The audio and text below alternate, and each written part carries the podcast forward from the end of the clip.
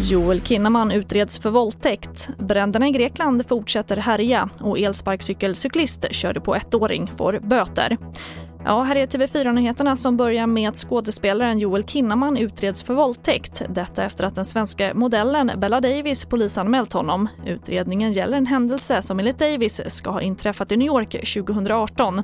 Kinnaman nekar till anklagelserna och har polisanmält Davis för hot och trakasserier. Kammaråklagare Virpe Alajärva kommenterar nu ärendet.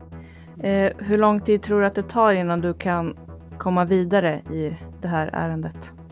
Som allt annat så påbörjar vi ju arbetet och sen får vi se hur det ser ut. Men det brukar ju ta några månader innan vi vet var vi står, så att säga. Men förhör då, kommer det inledas nu snart eller? Ja, vi har, ja det är det som är första planen. Man inleder ju förhör och följer upp uppgifterna. Mm, med båda parter då, så att säga? Mm, rutinen är att man börjar med målsäganden sen får du se därefter hur det går till. Och reporter var Matilda Lövdahl och hela intervjun kan du ta del av på tv4.se. Och bränderna i Grekland fortsätter att härja och tusentals människor har tvingats lämna sina hem. Vår reporter Elisabeth Ferrå är på plats på ön Evia.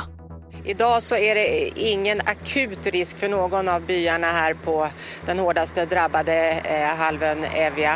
Men det är, det är fortfarande enormt stor brandrisk. Men hur ser den närmaste framtiden ut för de som har tvingats lämna sina hem?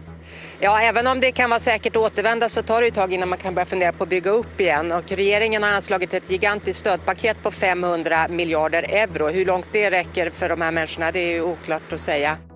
Och vi avslutar med att en elsparkcykelcyklist körde på en ettåring i norska bergen i slutet av juli och nu tvingas föraren böta 13 000 norska kronor för brott mot vägtrafiklagen. Det rapporterar NRK. Mannen har medgett att han kört elsparkcykeln men förnekade brott och att han skulle ha kört på barnet. Enligt polisen hade mannen för hög hastighet och fastnade på en övervakningskamera. Och det får avsluta TV4-nyheterna. Jag heter Charlotte Hemgren.